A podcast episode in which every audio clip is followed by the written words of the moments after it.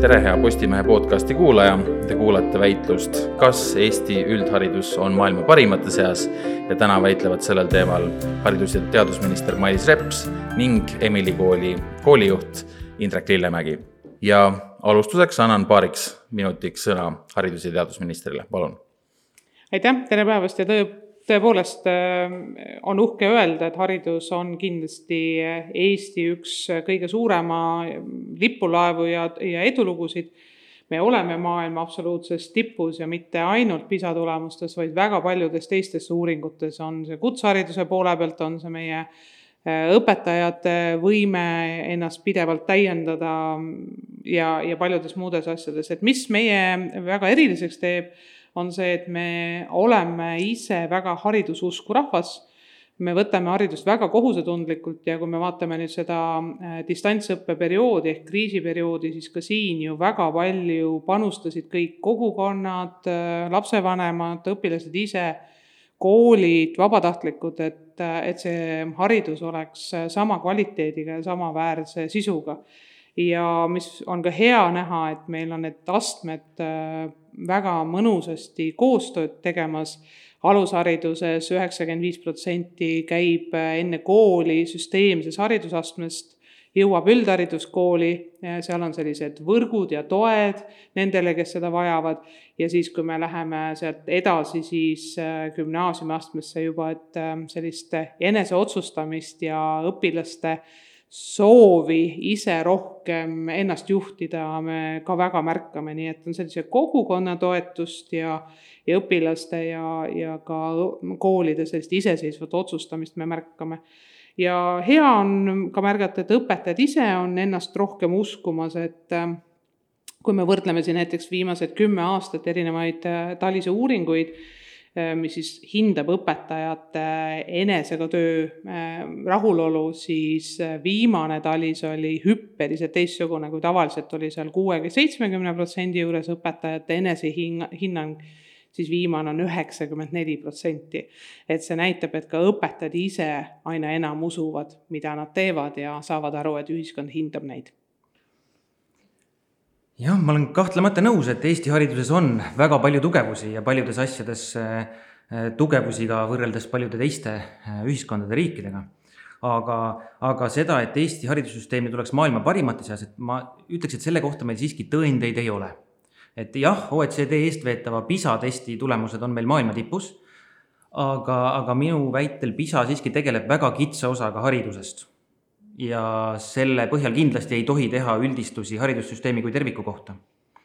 ja PISA ütleb väga vähe näiteks väärtuskasvatuse või sotsiaalsete, emotsionaalsete oskuste, tulevikuoskuste, kohanemisvõime kohta. ja muidugi on oluline ka küsida, et mis hinnaga me neid PISA tulemusi saavutame et noh, näi-, üks, üks näide lihtsalt, et äh, ka viimase PISA järgi Eesti õpilased puutuvad äh, kiusamisega rohkem kokku kui äh, õpilased OECD riikides keskmiselt. et iga, iga neljas PISA järgi on siis, õpilane on öelnud, et viieteistaastane on öelnud, et, et ta on kogenud viimase kuu jooksul kiusamist enne siis uuringut. ja PISA järgi ka siis näiteks Eesti õpilased väärtustavad koostööd vähem ja samamoodi tunnetavad nad vähem õpetajate poolset toetust kui nende eakaaslased OECD riikides ja lisaks minu arvates on oluline märkida, et, et on väga vähe tõendeid selle kohta, et PISA tuge, tugevate tulemuste taga on tugev üldharidussüsteem. et me võime, võib kahtlustada, võib hüpoteesi seada, et selle taga on suures osas hoopis sotsiaalkultuuriline taust laiemalt, hariduse väärtustamine, nagu ka minister välja tõi, aga lisaks ka näiteks kõrge testi täitmise motivatsioon ja, ja muidugi, muidugi tugev alusharidus kus äh, on siis tugevad pedagoogilise haridusega lasteaiaõpetajad ja nii edasi. nii et me ei saa olla päris kindlad näiteks, kas meie tugevad PISA tulemused on tänu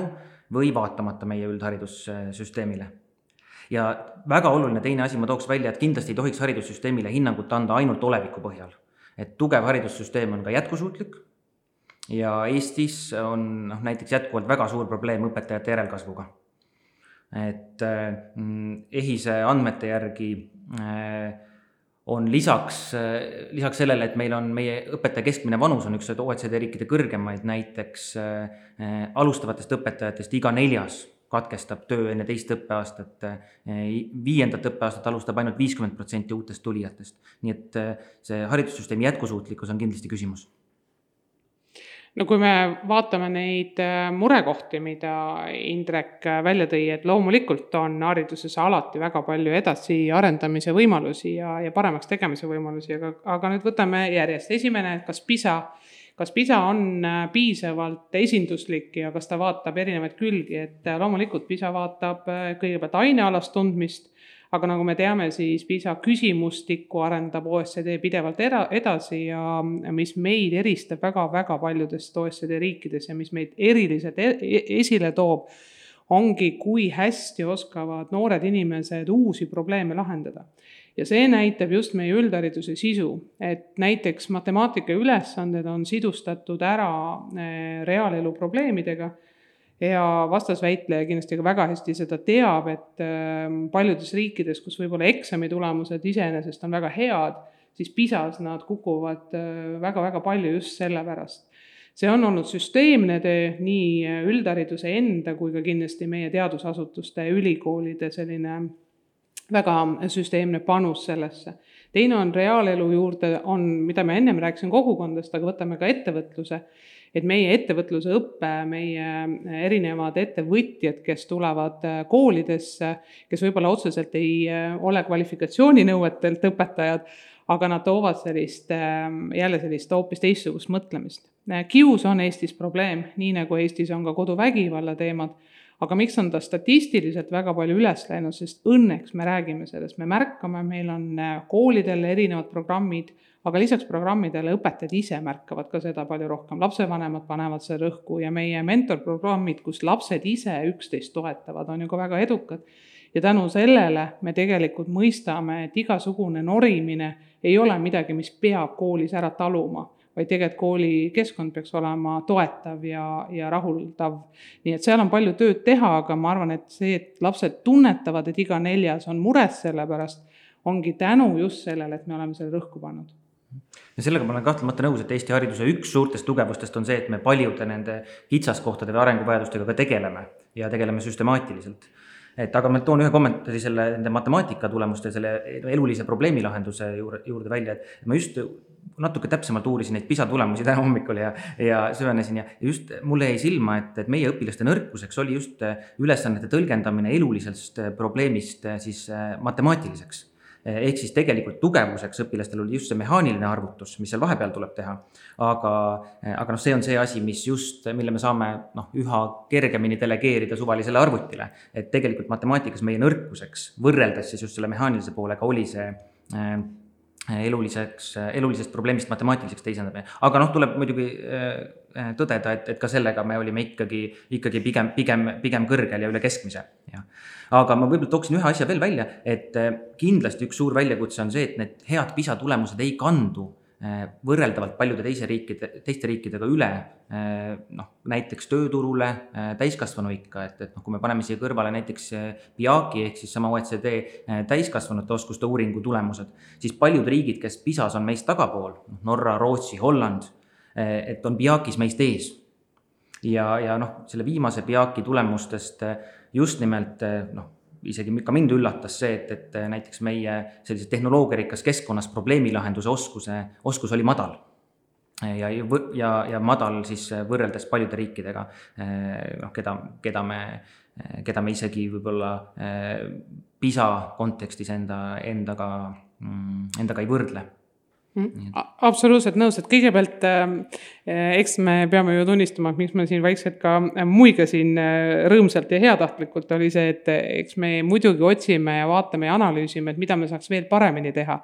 aga see meie matemaatikaoskuste nõndanimetatud kõige nõrgem külg on äh, OECD riikidega absoluutses tipus, et me räägime siis nagu ütleme, selles viie protsendi tipus, mis selle sees oleks veel see pool, mida me toetama peame, aga aga tulles nüüd korraks jah, tõesti PISA-st välja ja vaatame lisaks viieteistaastastele, et mis on positiivne pool, on see, et täiskasvanuharidus on eh, ehk ütleme, tänase täiskasvanu mõistmine, et ma pean ennast eh, juurde koolitama ma pean äh, uusi äh, kvalifikatsioone omandama, miks mitte ka täiesti uut eriala, et äh, see teadmine on läinud hüppeliselt üles, et kui seda oma peakid vaadata ja, ja noh, hea meel on tõdeda, et siis me oleme siis oma, ütleme siis, et mõõdiku sihtrühma saavutanud, et me olime väga tagasihoidlikud. Väga pikk tee on veel minna, sest esiteks IT valmisolek, eriti teatud vanuserühmades, mis on üle viiekümne, keeleoskus üle viiekümnestel, ähm, sealjuures nii, mitte ainult Eesti riigikeele oskus, vaid ka näiteks võõrkeelte oskus, konkurentsivõime turul olla, et üle viiekümneste hulgas ja mis on ka väga äh, kurb, et äh, siin on regionaalsed eripärad väga suured, et siin on äh, piirkondi, kahtlemata Tallinn, Tallinna ümbrus, Tartu, Tartu ümbrus on sellised väga usinad õppijad, siis ähm, võib-olla Kagu-Eesti, Ida-Virumaa on see, kus võib-olla Ida-Virumaal keelele pööratakse tähelepanu, aga ümberkvalifikatsioonile või uute teede rajamisele vähem. nii et äh, kas meil äh, Eesti üldharidussüsteem toetab piisavalt edasist teed? ma usun, et jaa, ta annab väga tugeva aluspõhimõtte, ta annab võimalused sul karjääri kujundada Äh, kas me peaksime üldhariduses rohkem andma oskusi ise oma valikutes leida need õigemad õppesuunad, ma usun, et see on sellise uue hariduse ähm, debati kõige olulisem küsimus ja ma olen sellega kahtlemata nõus, et väga paljude inimeste jaoks äh, meie üldharidussüsteem annabki väga hea baasi, kust, kust edasi minna. aga noh, tuleb tunnistada, ausalt otsa vaadata, et tegelikult on olemas ka väga palju neid, kes jäävad hammasrataste vahele, et et noh, näiteks küsimus varajasest haridussüsteemist lahkumisest on, on meil terav. Et, et noh, siin erinevad noh, kui, kui, kuidas seda numbrit nagu kokku arvutada, aga noh, võib öelda, et suurusjärgus kakskümmend protsenti õpilastest ei omanda järgmist haridustaset siis pärast põhikooli lõpetamist. Ja mis ja ka, kaasa arvatud siis need noh, haridussüsteemist vähem lahkujaid, et neid on, see ei ole mitte lihtsalt absoluutarvus suur number, vaid see on ka tegelikult võr-, tegelikult võrreldes paljude enamike Euroopa riikidega suur number, et Eh, neid samu haridussüsteemist lahkunud noori eh, või niitnoori, neid, kes ei ole ei haridus, tööturul, et, et neid on eh, meil palju ja, ja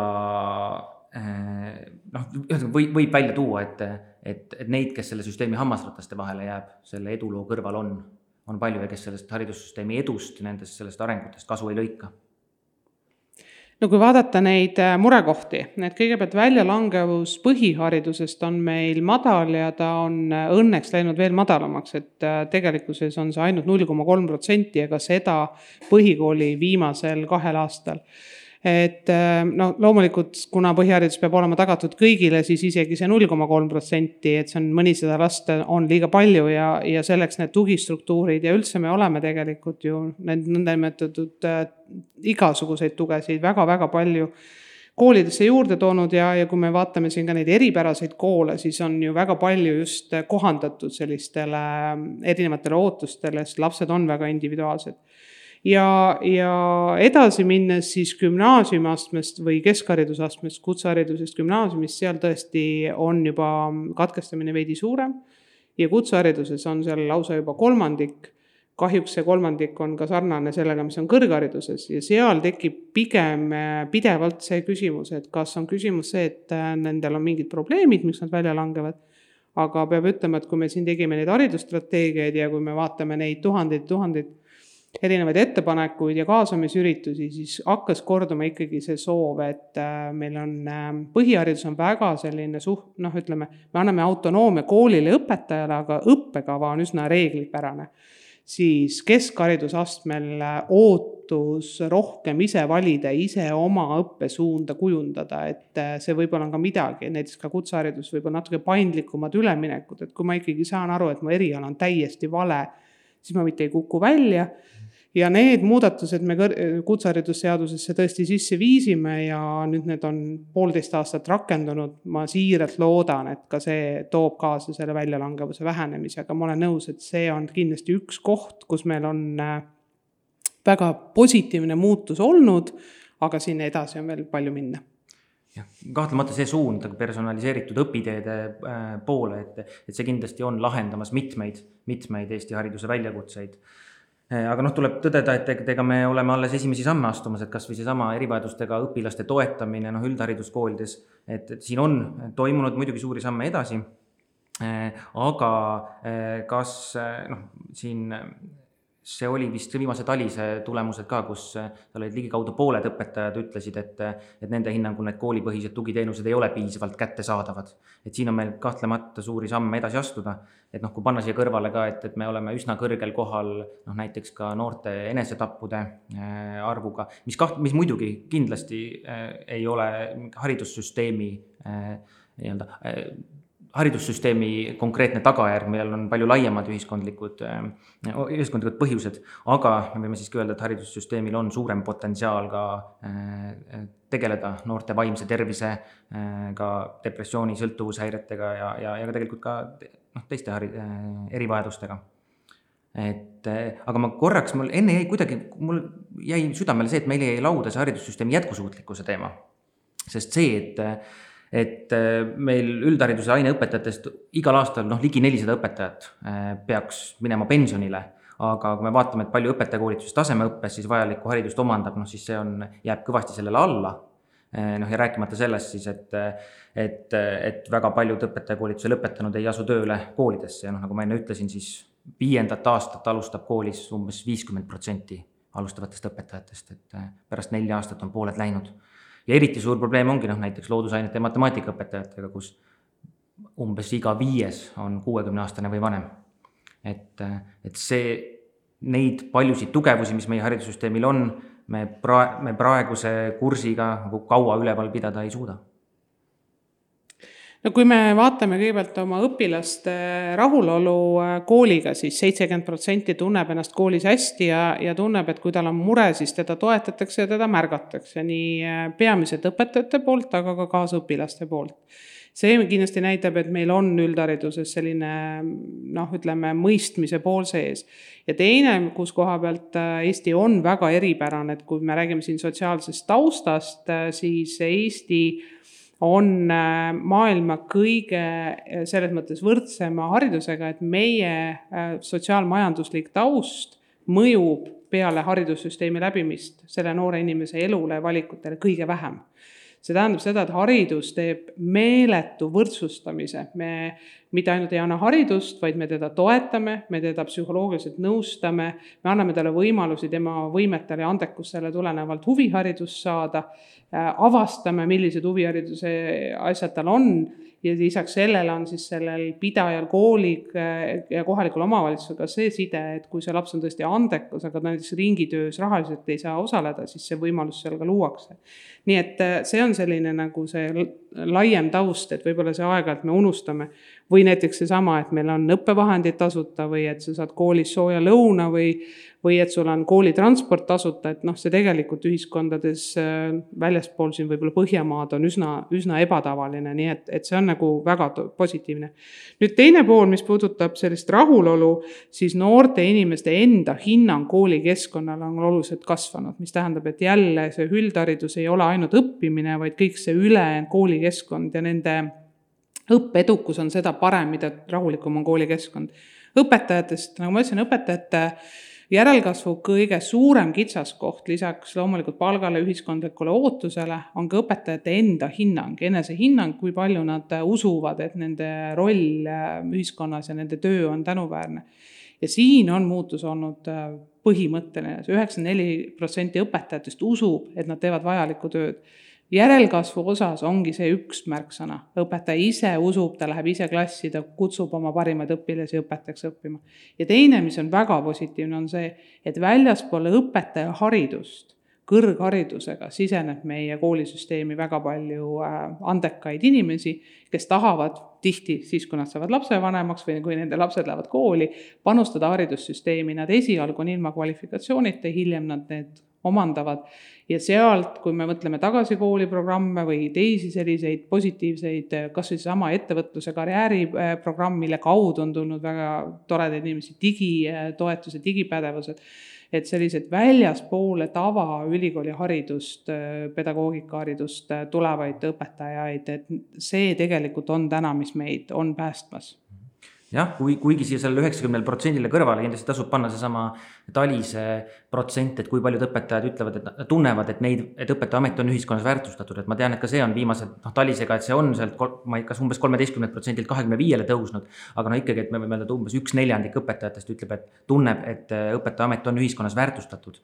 nii et noh, ma arvan siiski, et siin nagu sellele õpetajate enda usu kasvule ja sellele lootma jääda ei saa et noh, eriti kui me paneme siia kõrvale, et noh, mis on minu arvates selle Õpetajaameti üks noh, suuri nii-öelda puudusi, et, et Õpetajaametis puudub Eestis noh, laias plaanis puudub karjääriredel. et, et tee väga tubli õpetaja õppeala juhatajaks, sealt koolijuhiks on tegelikult pot-, inimeste potentsiaali raiskamine tihti et noh, kaasa arvatud karjääri, karjääridel siis muidugi puudust, puudutab ka palgasüsteemi, mina olen sel seisukohal, et alustava õpetaja nii-öelda sisenemislävi, see palk on Eestis juba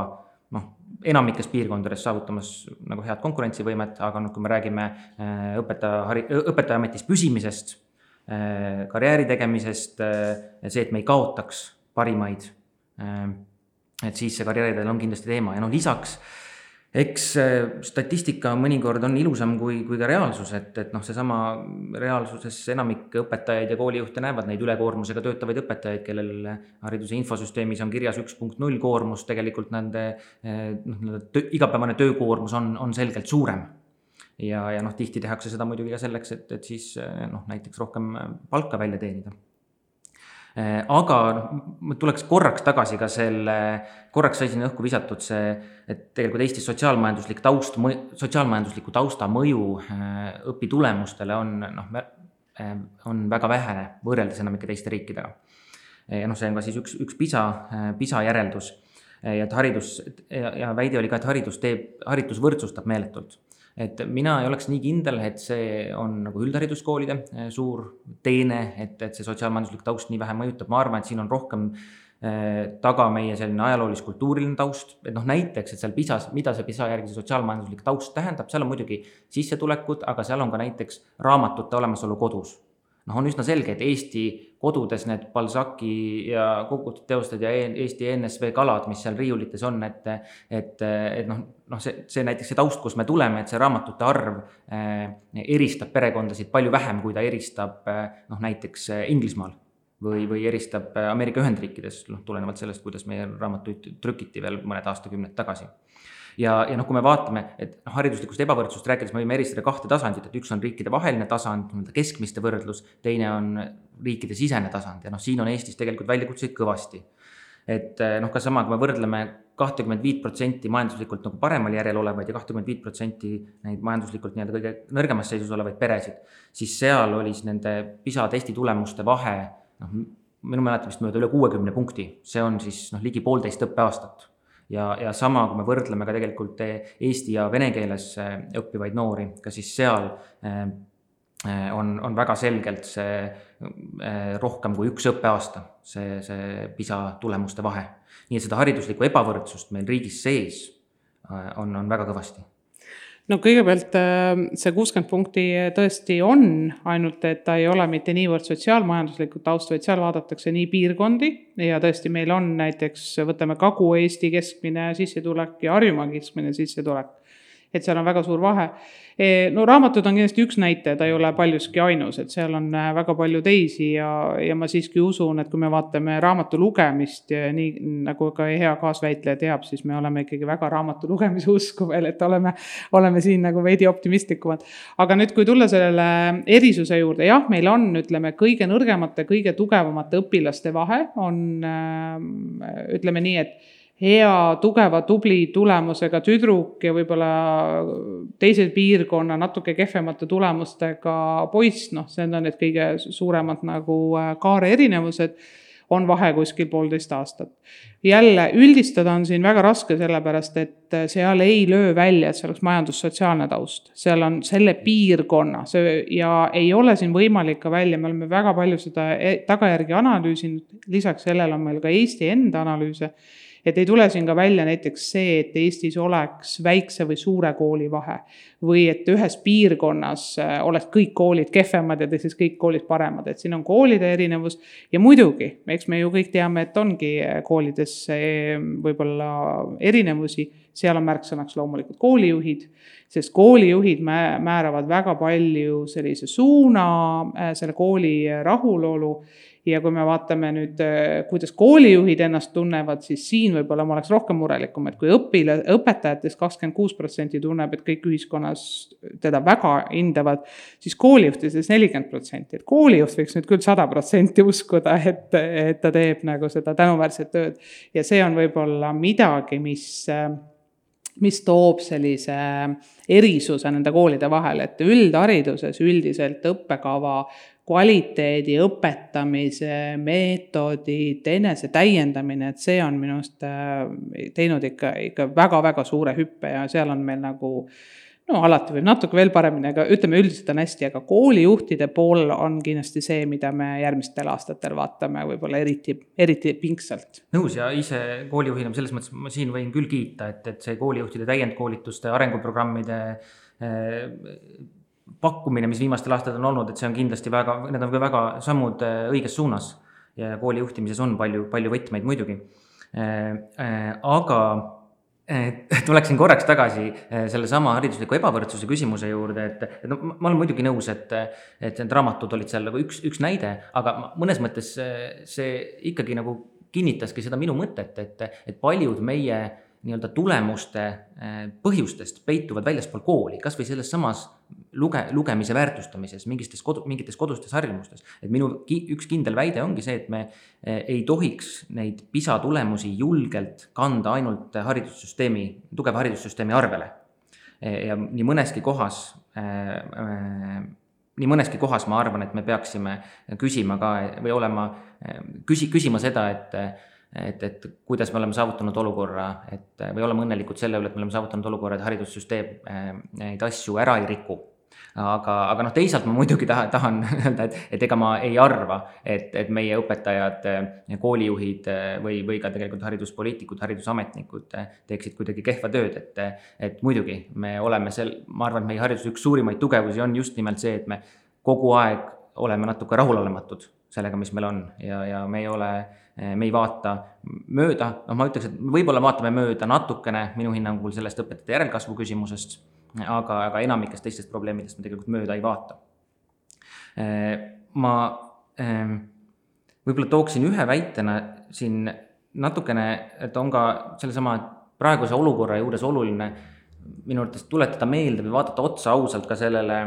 Eestile kui digiriigile või sellele ka haridustehnoloogia nii-öelda edumüüdile, mis meil, mis meil siin on. et noh, sellest samast TALISest mul jäi silma, et tegelikult äh, noh, näiteks need olid vähem kui pooled õpetajad, kes olid üldse õpilastel oma tundides lasknud kasutada mingeid infotehnoloogia vahendeid ja mis oli kõvasti väiksem kui OECD riikide keskmine. ja kaasa arvatud siis Eesti õpetajate enesetõhusus ehk siis usk sellesse, kuidas nad hakkama saavad, äh, siis noh, IKT vahendite kasutamise valdkonnas oli tegelikult OECD riikidest äh, keskmisest väiksem. nii et, et see õpetajate enesetõhusus Äh, meie õpetajate enesekindluse küsimus, usk sellesse, et nad saavad hakkama, äh, on tegelikult äh, suur väljakutse. ja ma arvan, et selle taga on suuresti ka selline kõrge stressitase, seesama ülekoormuse küsimus, mis jõuab siis välja ka selleni näiteks, et noh, ka üks TALISE olulistest tulemustest, et meie õpetajad teavad väga palju innovaatilistest õpimeetoditest, muutuvast õpikäsitlusest, aga nad ei rakenda seda oma teadmistele vääriliselt no kõigepealt, eks me